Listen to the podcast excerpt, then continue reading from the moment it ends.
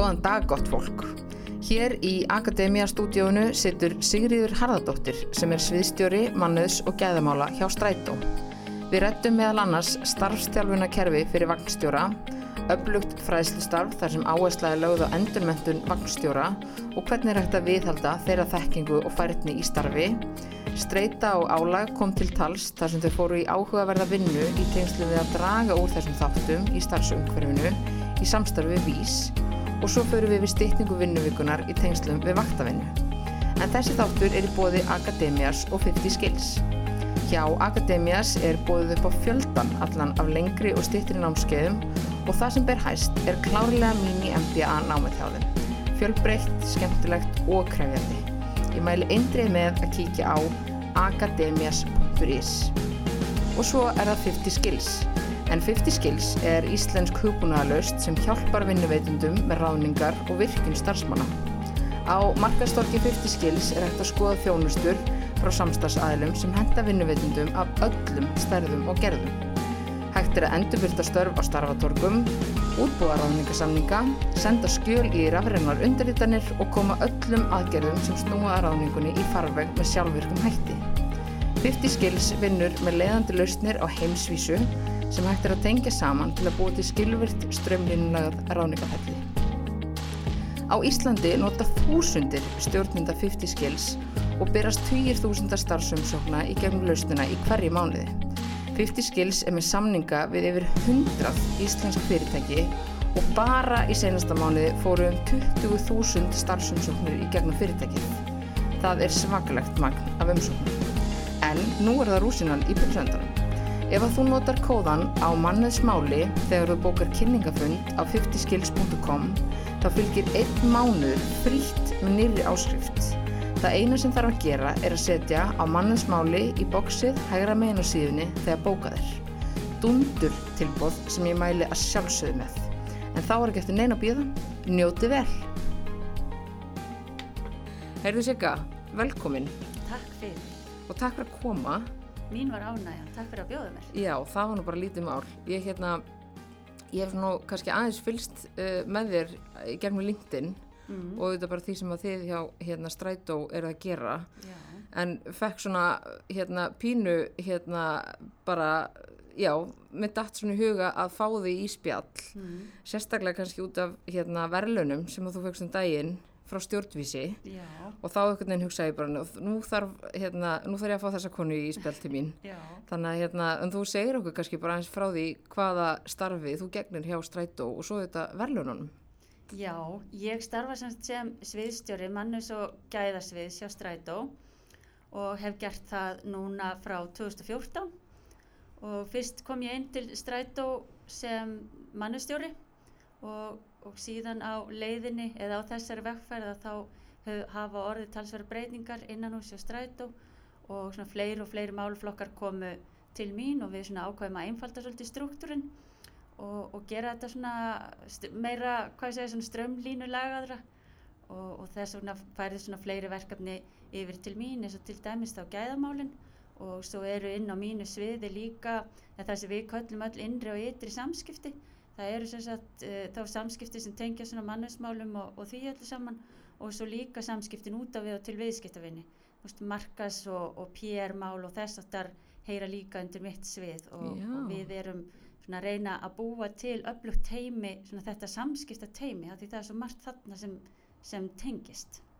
Mjög margt sem tengist. En hvað eru þá mörg ef þú ert þá kannski, ef þitt starfi þá svona svolítið reglífin, hvað eru þá mörg sem að eru já, starfið á þessu sviði? Uh, við erum, sko, við erum uh, auk mín að þá er, er gæðastjóri sem er öll gæðamálin. Það eru tveir sérfræðingar í mannusmálum sem skiptast á annars vegar í, í ráðningar og fræðslu.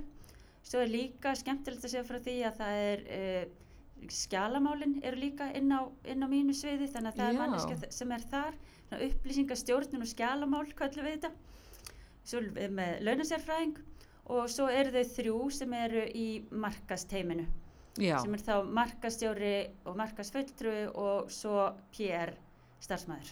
emmitt, emmitt. Þannig að þetta er alveg, uh, já, þetta er alveg ágætt steilt. Þetta er alveg ágætt steilt og heilmikið og mikið aksjón og, og mikið fjör. Já, einmitt. og, og já, fjölmörg verkefni sem þarna eru unnin á Já. hverjum degi. Já, hvernig finnst þér eins og hérna með skjalamálina því það er kannski ekkit oft sem þau eru undir eða svona eh, tilheyra manniðsviðinu hvernig svona finnst þér það hérna svona samtvinnast Það er mjög aðdýlsvert vegna þess að eins og þetta var fyrst að þá fann, fannst okkur skjalamálinn vera svolítið eiland og, og þar sem við tilheyrum uh, hvað ég segja, við erum svona hluti að sveita félags umhverfinu mm það er sem sagt eigundur stræt og eru sveitafélagin á höfuborgarsæðinu og við þurfum að hlýta ákveðnum lögum um ofinbær skjalasöfn. Og við erum skila skild uh, til dæmis á öllum okkar gögnum til borgarskjalasafns Já, og, og þurfum þess vegna að halda mjög vel utanum öll skjalamál. Og þar sem okkur fannst þetta vera svolítið eiland og stundum tilherði þetta svona gæða uh, málum að einhver leiti að þegar við fórum að rýna þetta hvernig við getum við strömlinulega þessa starfsemi okkar enn frekar að þá fannst okkur það bara passa mjög vel við að fá skjalamálin inn til okkar veist, við sem erum að starfa í, í mannusmálunum og, og líka í rauninni já bara allir sem er að starfa svona í þessari skrifstofu einingu hjá stræt og við komum öll að skjalamálum með einum eða öðrum hætti. Það er algjörlega. mikið um allskins opinberar fyrirspurnir fyrirspurnir frá uh, sveitastjórnar fólki og fyrirspurnir frá opinberum aðilum og þetta er allt sem þarf að skjala með réttum hætti og, og þetta er allt sem er unnið inn á okkar sviði Já, og passar bara alveg fullkomlega við. Já, einmitt. En frábært, það er bara mjög gott.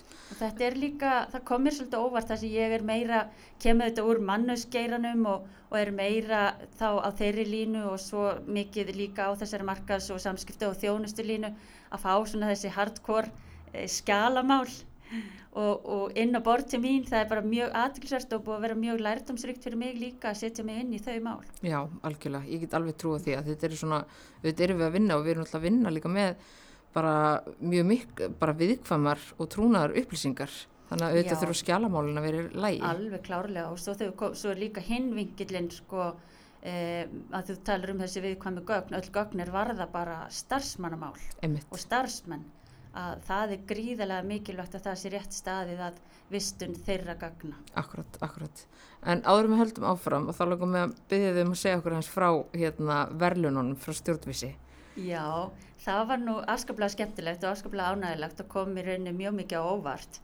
E, þetta er nú þannig að innan stjórnvísi þá hafa félagar e, tækifæri til þess að tilnefna stjórnanda e, það, þetta er sagt þrýr flokkar, þetta er flokki e, frumkvöðla, flokki millistjórnenda og flokki aðsta stjórnenda. Og allir, allir stjórnvísi félagar hafa tækifæri eins og árið til þess að tilnefna eitthvað sem þeim finnst hafa að einhverju leiti skara fram úr eða vinn, unnið að jákvæðum og uppbyggjandi og áhugaverðum verkefnum. Og, og það er tilnefnt til þessara veluna. Síðan er það domnefnd sem er e, svona að, já, eiginlega bara allir leiti óháð domnefnd sem er skipu fulltrúum vísvarað, bæður atvinnulífinu frá nú opinbera frá háskólusamfélaginu og viðar, e, sem, sem tekur allar þessar tilnefningar og fer yfir þær og útnefnir ákveðna aðila. Og að þessu sinni varð ég fyrir valinu í, í millistjórnandi ársins. Og, og hérna, já, mikil heiður og ég er bara afskaplega ánægð og, og þakklátt fyrir þessa viðurkenningu. Já, og þakklátt þeim sem hafa, sem tilnefndu mig og, og hafa verið að vinna með mér í gegnum tíðina. þetta er alveg hérna frábært og einhvern veginn maður bara e, ég get alveg trúa því að bara svona verðlun einhvern veginn gefur manni alltaf einhverja svona góða innspýtingu í að bara halda áfram að gera það sem maður eh, kann og gera það sem maður gerir vel.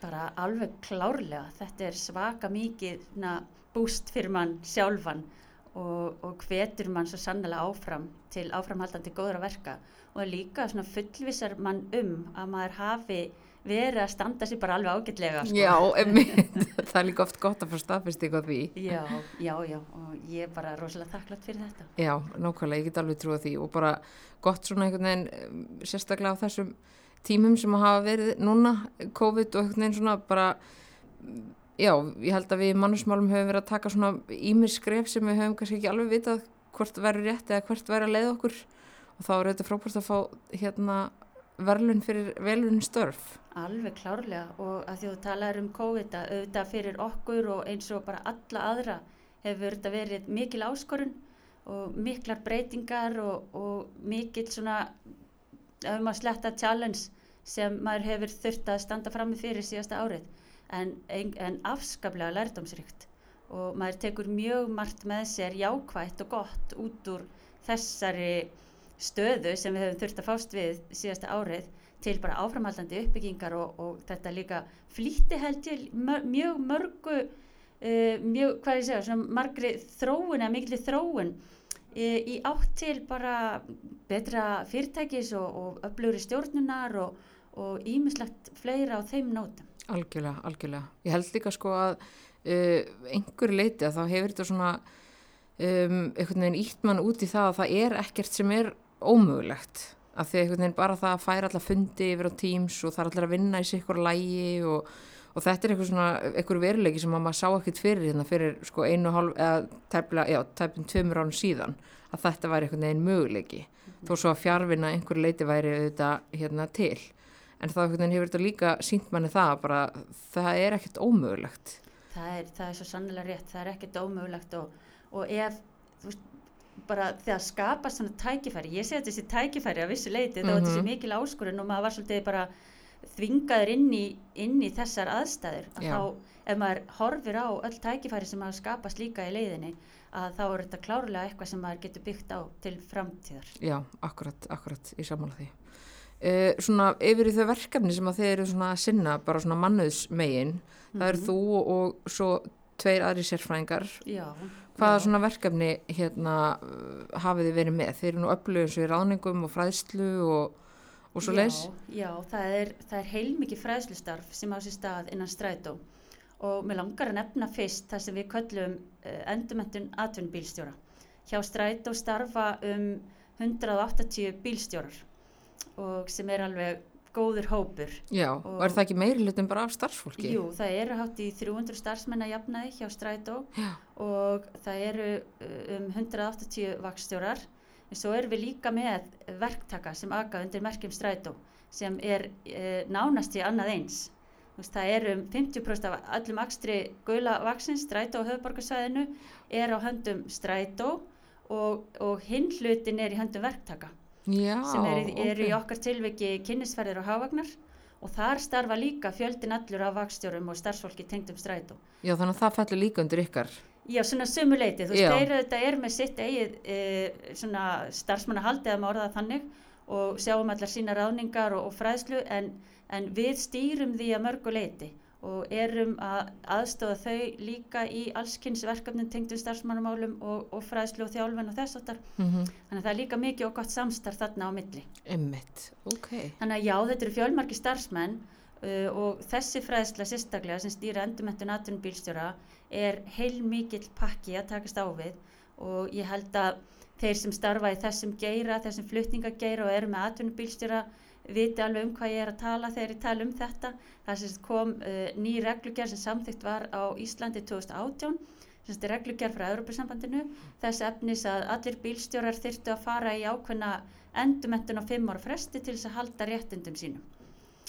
Og, og þessu fylgdi mikill fræðslupakki og samgöngustofa eh, gefur út ákveðna námskrá og það, eru, það er það sem er sett upp ákveðnir eh, svona, svona ákveðna svona námslínur eða námseiningar sem allir þurfa að fara í gegnum.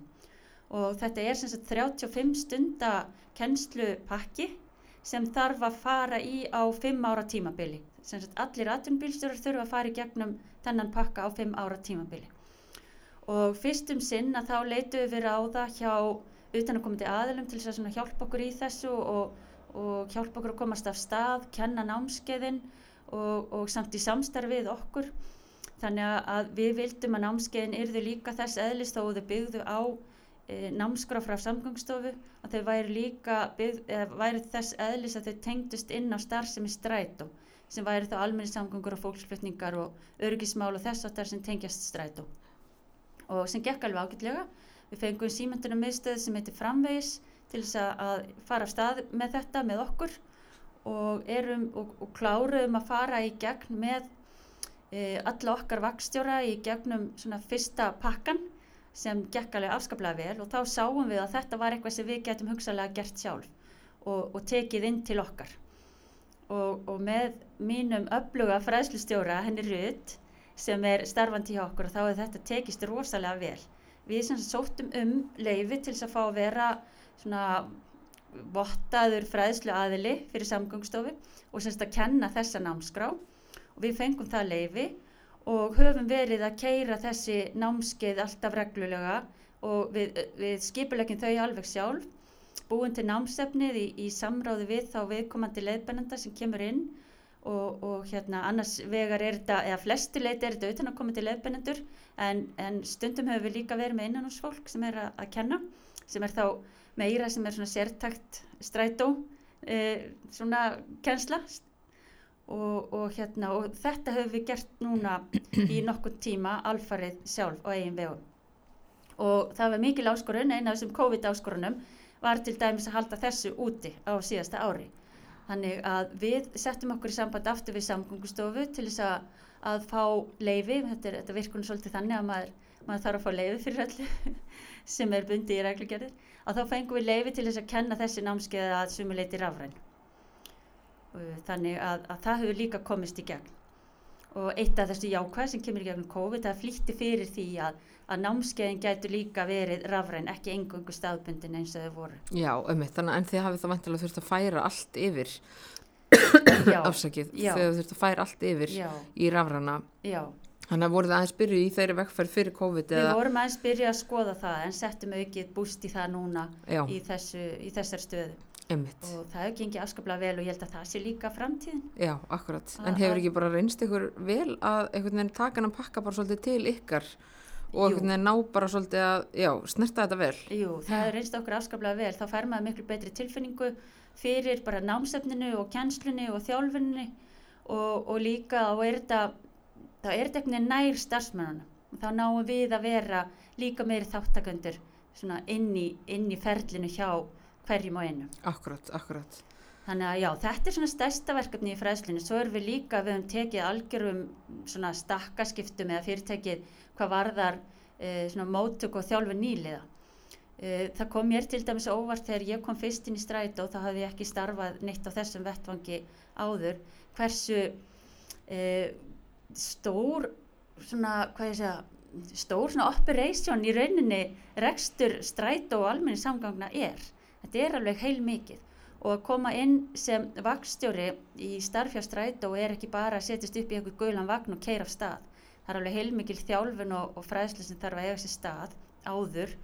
Og, og þú þarfst að vera, þú þarfst að þekkja e, gatnakerfi höfuborgarsvæðisins til dæmis bara eins og lóanaður og þú þarfst líka að vera í í miklum samskiptu við viðskiptavinni, þú veist, þegar viðskiptavinni kemur inn í stræt og þá er vakstjórun oft það fyrsta sem þú sérð og fyrsti mannlegi aðilin sem þú hefur kontakt við. Akkurat. Þannig að það er líka mjög margt og þú þarf líka að vera e, í stakk búin til þess að takast á við allar áskoranir umhverfisins og umferðarinnar og þó svo að umferðin hafi svolítið breyst á síðasta ári að, að þá er, er þetta heil mikið mál að vera að aka hér á göttum borgarinnar stórum vagnni með fylta farþegum og þú ert að vera á réttum stað og réttum tíma. Einmitt. og svo koma allar, svo kemur síðdegistraffikin eða morguntraffikin og allar umferðarteppurnar og, og allt þetta.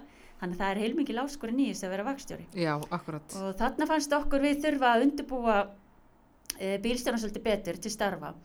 Og, og þegar ég kom hann inn árið 2014 og þá var aðeins hafinn vinna í að búa til svo kallar mentorakerfi eða svona starfstjálfa kerfi þannig að það væri eldri og reyndari eða reyndari e, vakstjóri sem tækja á móti nýleganum og svo höfum við í gegnum tíðina núna síðustu ár verið að þróa þetta starf og við erum komið með alveg hörku flott lið mentora eða starfstjálfa sem hafa verið að sinna þessu starfi núna undanferðið bara með gríðilega góðum árangri.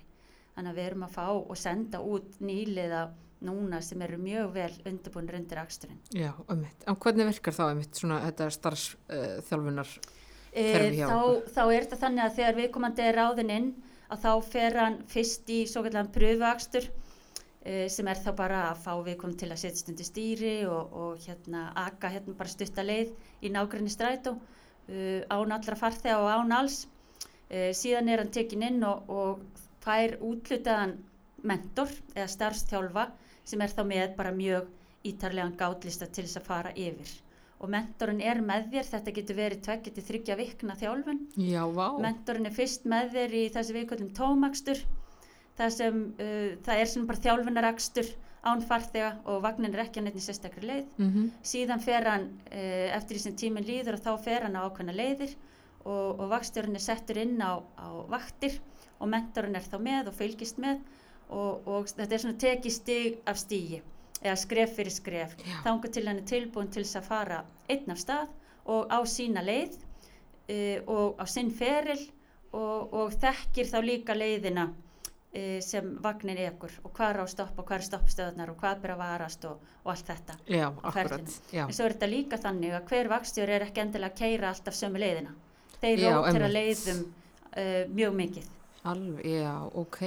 Þannig að þeir þurfa alveg að þekkja alltaf mörg svona kerfi. já, eins og ég sagði áðan, þeir þurfa að þekkja líka við gatnakir og höfuborgarsvæði sem sé svo lóan á sér. Já, Þú veist, vita hvað er hvað. Svo þetta er það líka áskorun e, sérstaklega á sumrin þegar alla gatnaframkvæmdunar fara af stað að þá er oft verið að breyta leiðum og, og verið að búa til e, svona hjáleiðir og, og annað slíkt og loka byðstöðum eða er verið að malbygga eða eitthvað svoleiðis og þá þarf það alltaf að vera up to date. Og, og vakstjórun þarf þá að vera tilbúin til þess að breyðast við. Já, vá, ég hafði nú bara ekki einu svona hugsa þetta en svo þú segir þetta það bara hérna, passar ekkit annað, ég meni auðvitað þarf einhvern veginn að aðlaga þessar framkvæmdir að, hérna, að uh, strætukerfinu. já, já, einmitt. Ok, og, og þetta er það sem við erum að fást við í fræðslunni, annað sem er mjög skemmtilegt sem kom að bort til okkar í fyrra að okkur var búin þáttaka í stóru uh, samstars, eða, stóru evrósku samstagsverkefni, erasmusverkefni uh, sem miðar af, að sérstaklega að þjálfun starfsmanna í almenningssamgangum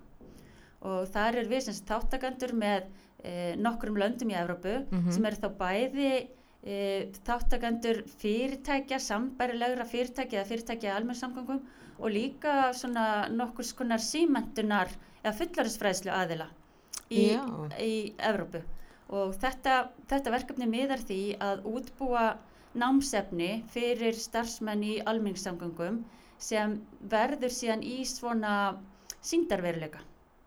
ok, Þannig að þarna er komin svona þessi framtíðar svolítið vingil inn í þjálfun og fræðslu. Þannig að ég var að tala um áðan að, hérna námskeið væri til dæmis haldinn á netinu og þau væru stafræn og eitthvað svona. Og þannig erum við komin í, í næsta skref að búa til síndarveruleika fyrir starfsmenn í almenningssamgöngum svo þau geti tekist á við svona ört krefjandi verkefni.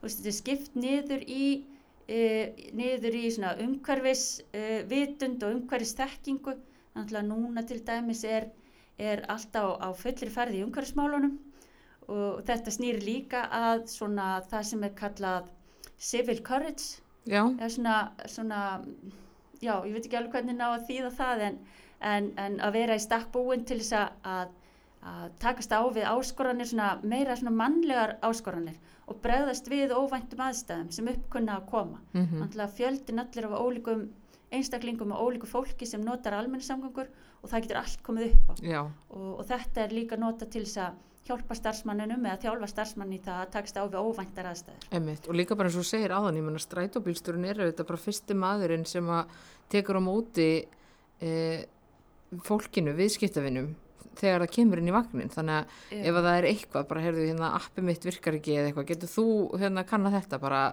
Já, ég er nú ekki, þú veist, þannig að já, hérna, já, þetta er náttúrulega kannski bara og alls konar aðra spurningar Mm -hmm, sem að, hljóta að dúkka upp á. Já, og annað sem verður kent í þessum svona mótjúlum í, í þessu uh, þessum síndarveruleika uh, námskeiðum eða hvernig sem þetta verður, þetta er þryggja ára verkefni sem við vorum bara að byrja á að síðast ári, að þá verður líka, uh, þá er líka svona pakki þar sem er hjálpa til að takast á við streyt og álag og við finnum mjög mikið fyrir því hversu mikil áhrif streyt og álag hefur á þessa starfsmenn sem starfa í almenningssamgöngum.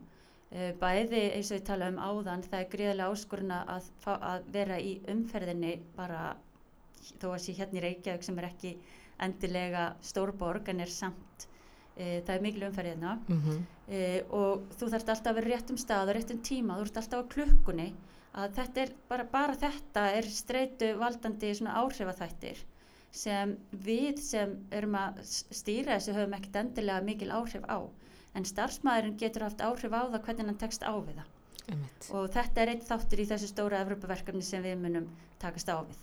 Og er eitthvað svona hugmyndur um einmitt hvernig er þetta, já, bara vinna með þetta? Að þetta er kannski ekki mál sem er leist af því að þú veist, ég meina, strætó þarf alltaf að fara eftir einhverju svona tímaplani, Já. en svona þarf þetta að vinna með þetta. það, við erum svo sem ekki komin alveg á þann stað í verkefninu en þá hvernig við getum uh, útfært þetta en, en við erum að leita leiða til þess Mm uh, í þessu verkefni sérstaklega. En svo erum við hjá Strætó uh, mikið búin að vera að hugsa þetta. Já, einmitt. og, og við erum talandi um það þá erum við í mjög góði samstarfi við okkar tryggingafélag sem er vís varðandi það að hvað, hvað við getum verið að gera til þess að fækka slísum og tjónum. Og síðustu árin höfum við verið í, í forvarnarverkefnum, allskins forvarnarverkefnum uh, sem, sem miða fræðslu og þjálfun starfsmanna. Við höfum verið að búa til námskeið, við höfum haldið fyrirlestra, við höfum verið með myndbandagerð og ímislegt fleira til þess að reyna að koma að stað einhvers konar forvarnum. Svo fannst okkur núna og sérstaklega eftir síðasta ár, þar segja fyrir COVID, þá fannst okkur vera komið svolítið hámark í þetta streitu og álags ástand og leitum til vís og, og svona fórum að rannsaka það hvort það væri eitthvað til, eitthvað efni sem benti til þess að streyta og álag hefði mikil áhrif á slís og tjón Mm. og það hefur sínt sig og það eru til fjöl, fjölmargar rannsóknir um það að streyta og álag í starfi og álag bara almennt í, í lífi og starfi hefur mikil áhrif á e, framistöðu eða bara hvernig e, bara í, a- í, í akstri getur haft mikil áhrif og það, það sýnir sig að eftir því sem viðkomandi er e, segja, stressaðri eða undir meiri álægi aukast líkunar á að hann lendi í slísi eða tjóni. Og þarna vildum við svolítið stoppa við eða staldra við og skoða hvort það væri eitthvað sem við getum verið að gera þarna til þess að, að koma til móts við starfsmannin og hjálpunum að takast á við þá streitu sem við getum ekki stjórnað þar að segja umferðin og allt þetta. Og við lögum svolítið hausin í bleiti og með vís til þess að, hvort, að tók hvort við getum búið til eitthvað aftur eitthvað námsefni eða þjálfunar uh, ferli eða eitthvað slíkt til þess að, að vinna með þetta. Og voru svolítið lens. Þá til að koma upp með eina hugmynd sem við erum akkurat að vinna með núna að það er að svona, kafa svolítið dýbra og aðtók hvort við getum fengið starfsmannin til þess að svona, finna þetta, fá svona þessa innri kvartningu til þess að hugsa vel og enn betur um sína eigin heilsu. Hvað er það sem hefur áhrif á mig? Hvað get ég sem starfsmæður verið að gera til þess að ebla mína heilsu, til þess að minka líkunar á því að ég e, verði ofur stressaður eða hvernig ég kemst svona inn í það og hvernig ég get tekist á við álæði sem fylgir starfinu mínu. Og við komum niður á hugmynd að við í sammenningu strætó og vís ætlum að gefa öllum starfsmennum strætó svona heilsu úr.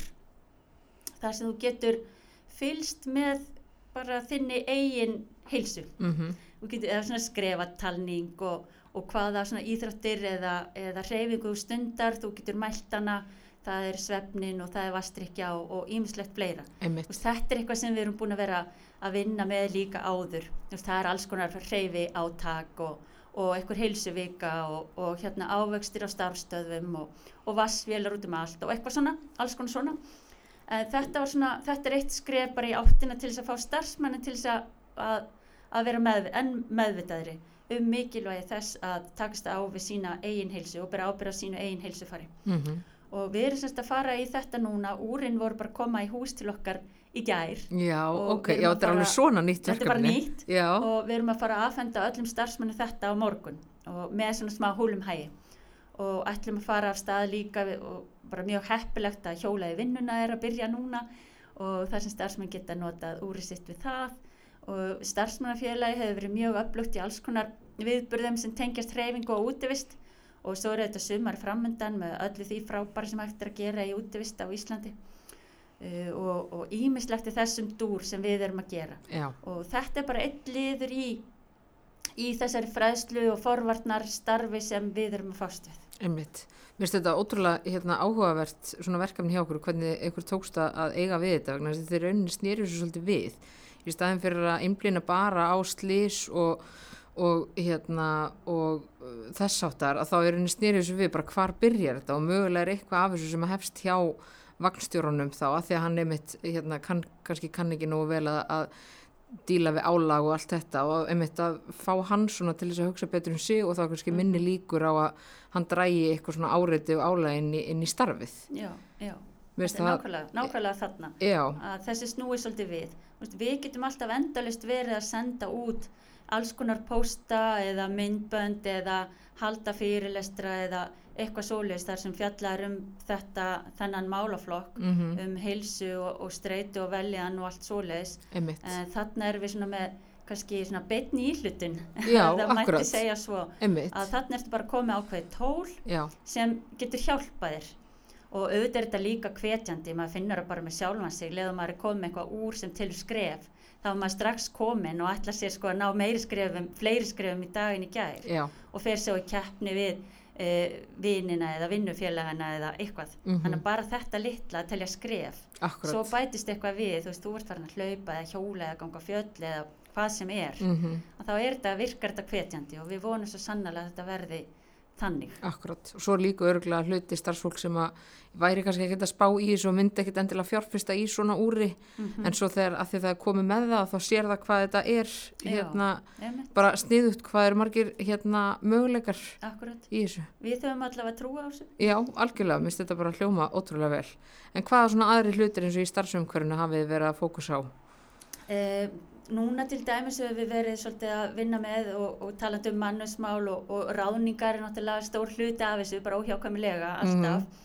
Og það sem er með svona stóran hópa framlýnu starfsmönnum að þá er, þá er alltaf einhverja ráðningar í gangi. Þó svo að starfsmanna veltan hjá strætórs er ekkert greiðlega há eða ekkert óvenju há með að við annað, hún er, hún er bara mjög, segja, réttmætt og sangjötn og og, og auðvitað hættir fólk vegna aldurs og, og allt svoleiðis og stundum hættir fólk til þess að fara í annu störf og, og fá nýtt tækifæri og, og alls konar þess að þar.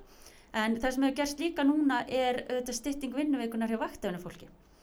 Hún kemur, kom núna og, og hófst núna fyrsta mæ og hjá okkur var það nú þannig að það myndaðist ákveðið mönnunagat þannig að við þurftum að ráða inn ríflega 20 vakstjóra þannig að stytting vinnuvíkunar hefur það í kjölfarið að þið þurfa að bæta við ykkur 20... Við þurfum að bæta við stöðugildum, já, og það hefur verið átak núna í því og nóg að gera í ráðningunum. Og, og við höfum geta ráðið inn afskaplega gott fólk, bæði kalla og konur. Mm. og, og sem taka til starfa núna og fyrir sumir eru byrjaðir fyrir sumarið að því að tala um þjálfunna þá er hún svolítið Emitt, og, og, og við höfum verið afskaplega heppin og fengið gott fólk og erum bara þessa dagana að, að klára að ráða inn fyrir sumarið. Já, og svo koma svona toppar, svo er þetta auðvitað sumarstarfsfólk, einhver hluti af því mun væntalega halda áfram eftir, eftir sumarið þar sem einhverjir kannski uh, hverfa frá störfum í haust. Þannig að þetta er svona ákveðin gangur, alltaf reglulegu gangur í ráðningunum. Emitt, svo þetta inn stundum nýja ráðningar á öðrum stöðum, ekki bara í vagnstjórahópnum þó að hann sé fyrirfæra Vist, við erum með verkstæði og þvottastöð og þjónustuver og, og stjórnstöð og, og náttúrulega skrifstofu einingu akkurat, Þannig að það er líka fjölmörg að taka þar. já, akkurat, akkurat. En hvernig svona hefur stytting vinnuvíkunar svona, já, bara snert ykkar vinnuumhverju, ég meina bara það að ráðin 20 auka, eða sérst að fjölga um 20 stöðugildi, það er alveg slatti. Það er alveg slatti og, og það er auðvitað, það kemur til vegna uh, styrtingu vinnuviku vaktafni fólks Já, sem kom til núna og, og að því að ég talaði um það áðan og sagði að við erum svona hluti að þessum ofinbera sveitafélags geira að þá auðvitað fylgjum við því og þeim kjærasamningum og, og styrting vinnuvikunar hjá dagunum fólki tók, uh, til, tók gildi um síðustu áramót. Mhm, og hjá okkur er það nú tilturlega einfalt að, að þá er bara, þá er, er hérna vikulegur vinnutími styrtur á ákveðnum degi já, vikunar emitt, en hjá vaktafinu fólkin er þetta mun flóknara Mhm. og flóknari útrekningar þess að það er líka verið að breyta allskynns eh, reiknireglum í, í tengslu við það. Já, eh, og ég hugsa að þeir sem starfa hjá hinu ofinbæru og eru með stóra hópa vaktafinu fólks þeir vita alveg um hvað ég er að tala þegar ég tala um að þetta sé, sé flókið og mikið umfangs. Já, en þetta er eins og margt annað, þetta er auðvitað áskorun og, Já, og mjög lærdomsrikt og, og áhugavert að taka þátt í því. já. En hafið þurft að sko byttar þetta ekki bara á vöktunum að því meina vaktirna hljóta að vera tengdar eitthvað hérna saman bara við það hérna leiðakerfi sem vorst að fara eftir og allt það. Já. Hvernig hafið þið svona hérna unni með þetta? Já, það er auðvitað þannig að strætó hættir ekkert að ganga þó að fólki vinni stittra. Já, akkurat, þess vegna er ég svona að spá bara Já, hvar einhvern veginn og, saman sem og ertu þess þarna vegna millir. myndast þetta mönnunagat. Við verðum að geta mannað allar vaktir, eh, eða sem sagt við erum geta mannað alla vagna sem keira samkvæmt. Einmitt. Og, og þó svo starfsmæður vinni stittra þá eins og segi þá hættir vagnin ekkert að keira. Þannig að því leitinu til og það er ástæðan fyrir því að við þurfum að ráða inn fleira fólk Einmitt. til þess að sinna e, sömu þjónustu og, og e, í okkar tilviki verður engin þjónustuskerðing við viljum að sjálfsögðu halda áfram að þjónusta okkar viðskiptavinni eins sem fyrr. Mm en, en tökum þó þetta á okkur að, að, hérna, að ráða inn fleira fólk. Já, akkurat. en ég hef bara miklu trú á því að, að þetta hafi áhrif til góðs. Mm og auðvitað var lagt upp með það í, í byrjun þegar, þegar þetta kom til að styrta vinnuvikuna bara Mhm. hjá öllum starfsmönnum að auka uh, svona svigrum og, og auka sveigjanleika í starfi að fólk fái tækifæri til þess að verja meiri tíma utan vinnu -hmm. með fjölskyldu og, og vinnum og, og svo minka þetta ála og streitu og gera starfsmenna ánæðri Já, ömmit. og ég hef bara fulla trú á því að þetta skilir sér. Já, og ég finn það líka bara mjög ánægilegt uh, af því að maður hefur núna nokkra mánuða reynslu af stýttingu vinnuvikunar hjá skrifstofafólkinu já, að maður finnur það að það er alveg aukin ánægja með þetta og fólk Mhm. er að gera meira og, og velta fyrir sig, ok, hvað á ég að gera núna á föstudaginn, nú er ég bara búin að vinna hérna uh, klukkan 12 eða 1 eða eitthvað og, og hvað á ég þá að fara að gera, Þú veist, ég ætla að fara í sund eða ég ætla að gera þetta hitt eða Þú veist, þannig að maður finnur það strax Já, þetta er að akkurat. hafa mjög jákvæð áhrif já, ömmit. En eru hérna þeir sem eru í svona vaktavinnu, uh, eru þeir all, allir á sérst, uh, sömu eða svipum samningum, þannig að þetta er sama stytting.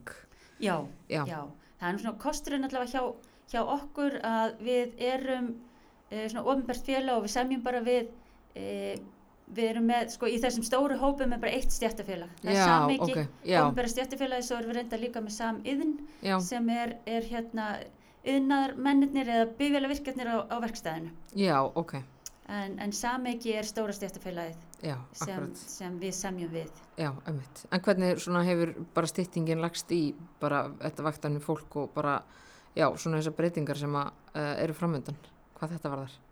að minnstu veist með við kynningarnar sem við höfum haldið að þá er, er bara ánægja með þetta auðvitað er þetta líka rétt að byrja og, og einungis örfá dagar liðnir af mhm, nýju vaktakerfi Já. en að minnstu kosti með við e, undirbúningin og, og kynningarnar og samtölu við starfsfólk og samtölu við trúnamenn þá leggst þetta mjög vel í fólk Já, ok, þannig að þau eru vantilega bara ána með það þegar einmitt uh, bara vildu ekki minka þjónustu stegið og bæti þá við stöðugildum í, í staðin Já. til þess að dekka þetta. já, já, Já, einmitt. En hvað hérna um, uh, eins og með þetta, ég meina hvað veist, bara þannig að maður getur rétt svo ímyndi sér bara svona þessar þessa vaktir og bara, ég meina, hvað er þetta mikil stytting, hvað myndast þetta gap? Sko, má, e, þetta er þannig að eins og í okkar tilviki að þá erum við ekki að stytta e, hverja vakt fyrir sig. Nei, Vaktinnar geta verið mismunandi að tímalengd. ok, Þú veist, það er, það er svolítið skemmtilegt og, og áhugavert að í svona fyrirtæki og í svona starfsemi eins og strætó og þá er í rauninni allt talið upp á mínútur. já, Þú veist, þú horfir bara á, á tímatöflu að þá er vagn að koma klukkan 9.52 eða, eða fer út klukkan 6.18 já, þannig að veist, það er allt svona upp á, upp á mínútur þannig að vaktirnar miðast svolítið við það líka og eru upp á mínútur en þær geta verið misjaflega langar. Eftir því líka hvernig ferill uh, svona vaksins er vegna þess að, að við reynum að tryggja það að starfsmenn byrji og hætti á sama stað. Þess að byrji sína vinnu og hætti sína vinnu eða sinn vinnudag á sama stað. Að þeir sé ekki að byrja uh, á hesthálsi og, og endi í fyrði í hafnafyrði já, eitthvað slíkt já, og þurfi svo að nota eitthvað, eitthvað hérna, einhverja leið til þess að komast á milli staða. Þannig að þess vegna geta vaktirnar eftir í hversu leiðin er löng sem þeir eru að aka hverju tíma þess vegna geta vaktirnar verið mismunandi langar já, og eru það. Uh, þannig að, að við útværum þetta þannig að við breyttum ekki vöktunum sem slíkum heldur jöku við fríið á milli. Já, Þannig að ok, þú ert í rauninni að fá fleiri frídaga. Ok, já, og, og reyndum þá líka inn í vaktakerfunum, þetta eru greiðilega flókin og mörg vaktakerfi en við reyndum samt að miða þessa frídaga við þá fríhelgar. Þannig að starfsmenn Mm. fá þá með reglulegu millibili lengri helgar. Já, og tengja það þannig. já, einmitt, Þetta eru þetta af því að eins og segi þetta eru mörg vaktakerfi, þetta eru flókin vaktakerfi, stræt og ekur e, frá 6 á mótnana til 1 á nóttinni þannig að það þarf að vera margskiptar vaktir og, og það er allskins flækistig í þessu. Þannig að þetta þótti vera e, hagkvæmasta og, og skinsamlegasta leiðin að fara. Já, að halda vöktunum óbreyttum en auka frítíman á milli. Já, og, og reyna þá helst að, að tryggja það að starfsmenn fengju samfelt frí inn á milli. já, akkurat, skoðuðu þið eitthvað að breyta vöktunum eða var þetta bara einhvern veginn Já, það þið- var í rauninni öllu velt upp. Já, og í samstarfi við trúnaðamenn komið mjög mikið inn í þessa vinnu með okkur. Og það var í rauninni öllu velt við til þess að geta fundið út hvað væri, hver væri besta leiðin í þessu. já, einmitt, en þetta er bara, þetta er náttúrulega risastort verkefni og náttúrulega bara öll fyrirtæki að gangi gegnum eh, hérna einhvers konar Já, styttingu, algjörlega. en á svo Já. einmitt bara mismunandi hvort það sé vaktafinu fólk eða, eða hvort þetta sé svona þessi hefðbundni dagvinni tími, sko. Mm einmitt, Já. nákvæmlega. Já, þetta er bara mjög áhugavert, en bara gaman líka að heyra hvernig hafi list þetta, því að það er bara eins og segir sjálf, tölvört flóknara að leysa þetta verkefni með tilliti til vaktafinu fólks heldur en bara varandi en hefðbundna dagvinni tíma. Já, einmitt. En segðu mér að því að hérna, við vorum aðeins að tala um sveiðið þitt áðan og Mhm. hérna uh, svona markasmálin uh, því þau eru líka hérna á þínu sviði Mhm. og hérna um, það hefur náttúrulega verið aðeins í umræðinu bara svona þessi samvinna millir manninsmála og markasmála já. hvernig svona kemur þetta uh, fyrir þér? Af því að þetta hefur náttúrulega einmitt svona einhvern veginn hangið saman en samt einhvern veginn ekki alveg. Já svona hvernig, hvernig hérna hafið þið verið að vinna með þetta Þegar ég kom inn í strætó að þá var svona, hvað ég segja, jú ég segi það alveg bara, það var svona takmarkað mannauðstar, mannauðsvið sem slíkt var svo sem ekki til, þannig. Og svo var, var markastar bara eitthvað stær annar staðar. Og þaðan sem ég kem, ég kom úr strætó frá N1, uh, þar höfðum við unnið mjög vel saman, mannauðs og markaðs, þó svo það var svo sem ekki sama deildin eða undir, undir sömu deildin, að þá unnum við mikið saman og, og vel saman að allskins, efn, hérna, allskins verkefnum Já, og mér langaði svo einhvern veginn að reyna að þróa þetta. Uh, Svo leið svolítið tíminn og, og við fórum í mitt þessar skiplasbreytingar að reyna að, að, að þjappa þessu öllu svolítið meira saman og, og búa til sterkar heild að þá, þá komum við upp með þetta hvort að það gæti ekki verið skinsamlegt að, að setja þetta svolítið saman, markus og mannas, mannuðsmál vegna þess að þau tengjast að því leitinu til að þetta eru rosalega mikil samskiptamál Mhm. allstaðar já, og, og þú ert að gefa með markasmálum, svolítið að gefa viðskiptavininum lofvörð þú ert að presentera fyrirtæki gagart viðskiptavininum og þú ert að, að já, gefa nú lofvörðum ákveðna þjónustu og það er svo mikilvægt að þú náir að, að uppfylla væntingar viðskiptavinari eins og standist það tröst sem þér er veitt. Og þú gerir það ekki nema að hafa öflugt starfsfólk með þér, það er það sem veitir þjónustuna. Og þess vegna er svo mikilvægt þessi samspil þarna á milli. Að markasmálinn sé ekki að henda einhverju út og, og lofa einhverju þjónustu sem starfsmæður síðan veit ekki að hann hegi að uppfylla. Þannig að bara þetta svona atriði er svo mikilvæg. Og, og svo líka hjálpar þetta okkur bara til þess að vera svona einhvern veginn á segja, bara sömu línunni. Að, að meðvitaðri um það sem, uh, sem, sem, sem deildinir er að fást við og sem starfsfólki er að fást við.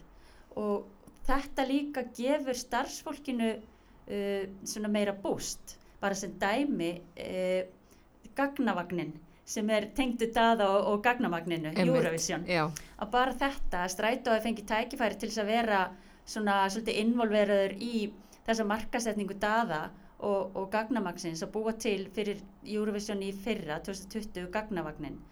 Að þetta veitti veist, starfsmánunum svolítið búst og gerði okkur svolítið stolt. Bara vá frábært. Við bara fáum hérna tækifæri og erum svolítið uppnum en því að fá að vera hluti af þessu dæmi. Mm og svo er þetta aftur svolítið núna það er sem sagt komið gagnavagn 2.0 Já, sem er nákvæmlega. uppfærður gagnavagn og hann fór á gödundar núna á dögunum og, og þarna finnst manni uh, við starfsmennir og, og allir vera bara miklu meira involveðri í markasmálin og þetta gefur okkur uh, líka svona bara, já, tækifæri og ánægju og, og gleði að vera þáttakendur í þessu og, og verðum þá stoltar af fyrirtækinu. Og hvað gerist ef við verðum stolt og ánægða af fyrirtækinu?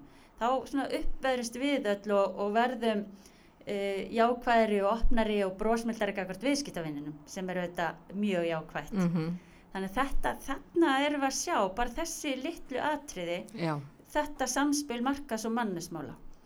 Og það er svo gaman já, svo þetta er bara ánægilegt að sjá þetta. Akkurat og þetta er held ég bara akkurat punkturinn sem að einmitt hefur verið svona svolítið umræðinni að þetta sé svona já, það sé bara svolítið svona mikil samvinna þarna milli og svo er þetta líka bara markasmál innan hús að því að að því að sko, þú veist, við sem erum að vinna í mannusmálum erum við þetta ofta nálga starfsfólk með einu með öðrum hætti Mhm. og það fyrir þetta bara svolítið eftir í hvernig það er Já. lagt fram. Já, algjörlega og við erum að vinna líka mjög margt svona bara uh, hvað að segja, svona okkar á milli sem fer ekki tátt og það er að koma upp alls konar bara hjá okkur eins og öllum öðrum það koma upp alls konar atvik og það koma upp alls konar brestir í þjónustinu sem við þurfum að takast á við. Og, og hérna þau sem er að sinna þessari hvað ég segja, svona, þessu, þessu samtali við viðskiptavinnin, þau fá ofta að heyra alls konar uh, atvik sem er að koma upp sem við þurfum svo að tækla innan hús mannesfólkið Einmitt. og, og stjórnendur og þannig að þetta samspil og þarna þarf líka að ríkja mjög gott tröst á milli aðila til þess að geta fengist við þessi mál og til þess að geta líka svara fyrir okkur Akkurat. og, og hérna og, og, já, og svona tekist á við allskynns atriði sem koma upp í starfseminni Einmitt, einmitt. Og svo þetta líka bara eins og nefndir áðan að PR-málin eru líka já, í mikil samveru við ykkur. já, Þannig að það eru þetta líka bara atriði sem að koma, kemur kannski upp í vagninum, mm þú veist, milli starfsfólks og viðskipt, viðskiptavinna og það ke- kemur inn til ykkar en það þarf einhvern veginn að líka presenta það út af við, sko. Já, já, algjörlega. Og svona á þessari vegferð okkar í, í svona þessari samvinnu að þá hefur líka, og það sem mér finnst svo skemmtilegt að því ég er nú svona meira mannus tengdari heldur en markas, að hversu markasfólki er orðið mannus þengjandi. Já, Mér finnst það líka mjög áhugavert að uh, þetta var svolítið þannig til þess að byrja með að það var verið að senda út e, einhverja fréttatilkynningu eða einhverja tilkynningu eða eitthvað til viðskiptavinna en, en starfsmæðurinn svolítið glemdist og það það er svo mikilvægt að starfsmæðurinn sé upplýstur um það sem er að fara í gang eða um það sem er að gerast áður en viðskiptavinnurinn er upplýstur svo hann hafi þó tækfæri til að svara fyrir eitthvað ef til þess þarf akkurat. og oft fekk maður kvartanir bara hvað, okkur þurfti ég að lesa þetta í blöðunum. En þetta hefur svolítið snúist við og, og talandi um að markasfólk sé orðið mannus fólk Mm eða mannus tengdara að þá er þetta alltaf komið bara, já við sendum þetta auðvitað fyrst á starfsmennina, gefum þeim tækifæri til þess að skoða þetta og melda þetta og, Já, og fá að vera meiri svona þáttakandur í þessu. Já, emmitt. Af því það er náttúrulega líka bara og ég sagði á þetta er líka bara svona markasetning sko innan hús. Já, já, algjörlega, algjörlega. Já, og allar herrferðir og ýmislegt fleira sem fyrir gang og talandi um gagnavagnin og þetta að þetta fer allt svolítið fyrst innan hús Já, svo fer þetta út já, akkurat. Þannig að líka þá, þarna upplýði starfsfólk líka bara við erum þá sko að vinna að þessu og það veit líka þá er það ekki bara að fara á, hérna, þú veist, inn á vísidaginn eftir og sjá bara já, betur við að gera þetta? Já, Heldur, þú veist, þau að búa að upplýsa og, og það veit af þessu. algjörlega. Já. en svo er það í þessu eins og svo mörgu öðru. Þetta er þetta áskorun fyrir okkur að ná til Mhm. allra starfsmanna. Alveg eins og það er áskorun fyrir markasfólki að ná til viðskiptavina. Við erum auðvitað með stóran starfsmannahóp sem er að sumuleiti einangraður vegna þess að þú ert sem vagnstjóri bara að keira einn í þínum vagni. Mm og þú situr ekkert fyrir fram að tölvun allan daginn eða ert að skoða tölvupóstin eða innrivefin eða, eða Facebookið eða hvað sem er. Emmitt. þannig að þarna er líka áskorun fyrir okkur að ná til starfsmannana Mm með öllum þessum skilabóðum Akkurat. og, og það eru við þetta alltaf að fástu á hverjum degi. Hvernig getum við bætt þetta? Hvernig getum við bætt upplýsingaflæði hvernig getum við komið betur til móts við starfsmennina? Mhm. Og, og allt í þessum dúr. Já, akkurat, líka bara eins og nefnir, ég meina meiri hluti starfsfólks eh, hjá ykkur er í vakta vinnu Já, og emitt, það situr ekkit alveg fyrir framann hérna tölvun allan daginn og hefur tækifæri til þess að dettin og fundi eða svara tölvupústum eða, nei, en Nei. hvernig hafið þið svona verið að eiga við eins og þessi emitt, bara svona upplýsingaflæðið þarna? það er svo sem allar þessar hefðbundnu leiðir með því að, jú, jú, þú veist, auðvitað sendum við tölvupósta og við setjum með fréttir á innri vefin og við notum Facebook síðuna, Mm við erum með skjái, svona upplýsingaskjái á kaffistofum Já, og, og við svona, já, komum út skilabóða með ýmsum hætti.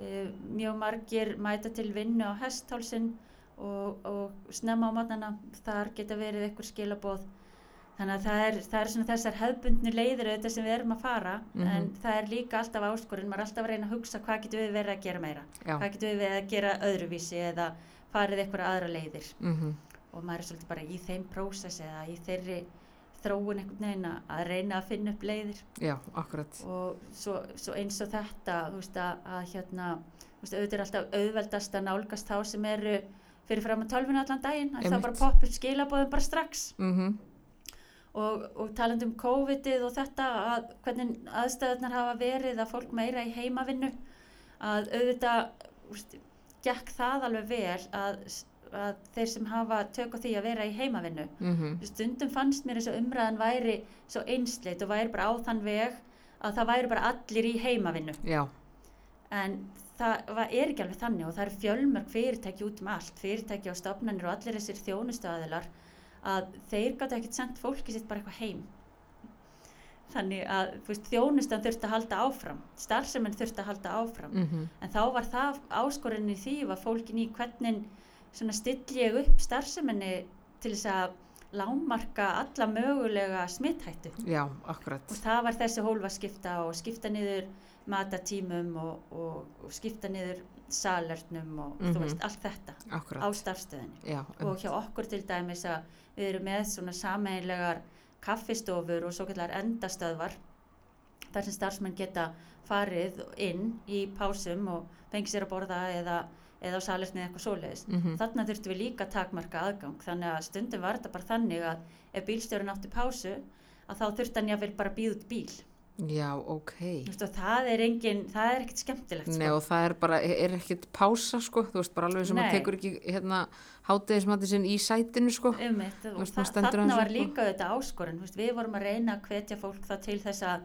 að standa upp og lappa út fyrir vagnin taktu hérna tvo ringi, teltu skrefin í kringu vagnin og Mm. eitthvað og útbyggum líka mjög hress og skemmtileg hreyfi myndbönd. Já, af því við erum nú líka svolítið á þeirri línu.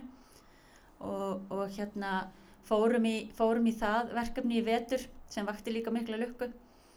Þannig að já, það voru alls konar áskoranir þessu líka. Já, ömmitt sama á það að hafa stóran hópa fólkin að vinna heima þar sem það var ekki í svona augliti til auglitis samskiptum eins og var. Og, og þurfti að, að læra alltaf tíms og allt þetta Já, ömmitt, ömmitt En þurftuð að hérna uh, sko aðlega leiðakerfið eitthvað að þessu bara eins og hérna samkomu takmörkunum Uh, til þess að byrja með, Já. í fyrstu bylginni að þá dróum við verulega úr akstrinum. Þá var öllu nánast í lokað hérna í mars og april í Já. fyrra, Já. 2020 og þá dróum við úr, úr öllum akstri og ógum svo kallega lögadags áallum sem er Já. þá lengri e, þar að segja svona, mm, já, lengri tíðni og, og lengra á milli vagna og hætt fyrir á kvöldin og, og Mhm. þess þar. já, Þannig að það, það gerðist í, í ákveðin tíma í tvo mánuði á síðast ári. já En sáu þið svo að því að svo komum hann að setnibilgja núna í haust og, og svo núna, ég meina uh, sáu þið þá eftir þetta að þið hefðu kannski ekkit endilega þurft þess eða, eða bara aðlaga þetta að öðrum Já, um, sko, því, það var svo mikil óvisa fyrst, þá vissi maður ekkert hvað, hvað byði manns og Já. það var líka vissu leiti náttúrulega bara hræðsla í samfélaginu Mhm. og, og bara, já, mikil óvisa og öll óvisa er mjög óþægileg. Þannig að það var, það var brugðist við með þessum hættu og brugðist líka við með því að við lokuðum framhörðinni þannig að viðskiptavinni gátt ekki gengið inn um framhörðina Já. og greitt fargjaldi til vakstjórans. Mm. Það var líka mikil áskorun, við þurftum að loka uh, fyrir uh, vakstjóra básinn eins og við köllum hann þar sem vakstjóra situr Mhm. og það komst enginn þangað. Já. Þannig að, að það var, þá var vakstjórinn ennþá meira einangraður og átti mun erfiðara með að fylgjast með greiðslu fargjalda uh, sem var til þess að, það þurfti að fara í svona bráðabyrða lausnir með það hvernig fólk gætt greitt. Að segja að það var að greiða með peningum Einmitt. alltaf hægt að greiða með appinu eða, eða með, með hérna svona tímabilskortum eins og fólk getur keift. Mhm. Þannig að þetta var alveg áskorun. Uh, síðan opnuðum við aftur í upphafi sumars í fyrra, opnuðum framhörðina og, og, en settum svona, uh, svona skilrúm, Já. svona plexigler skilrúm fyrir vakstjóran Mhm.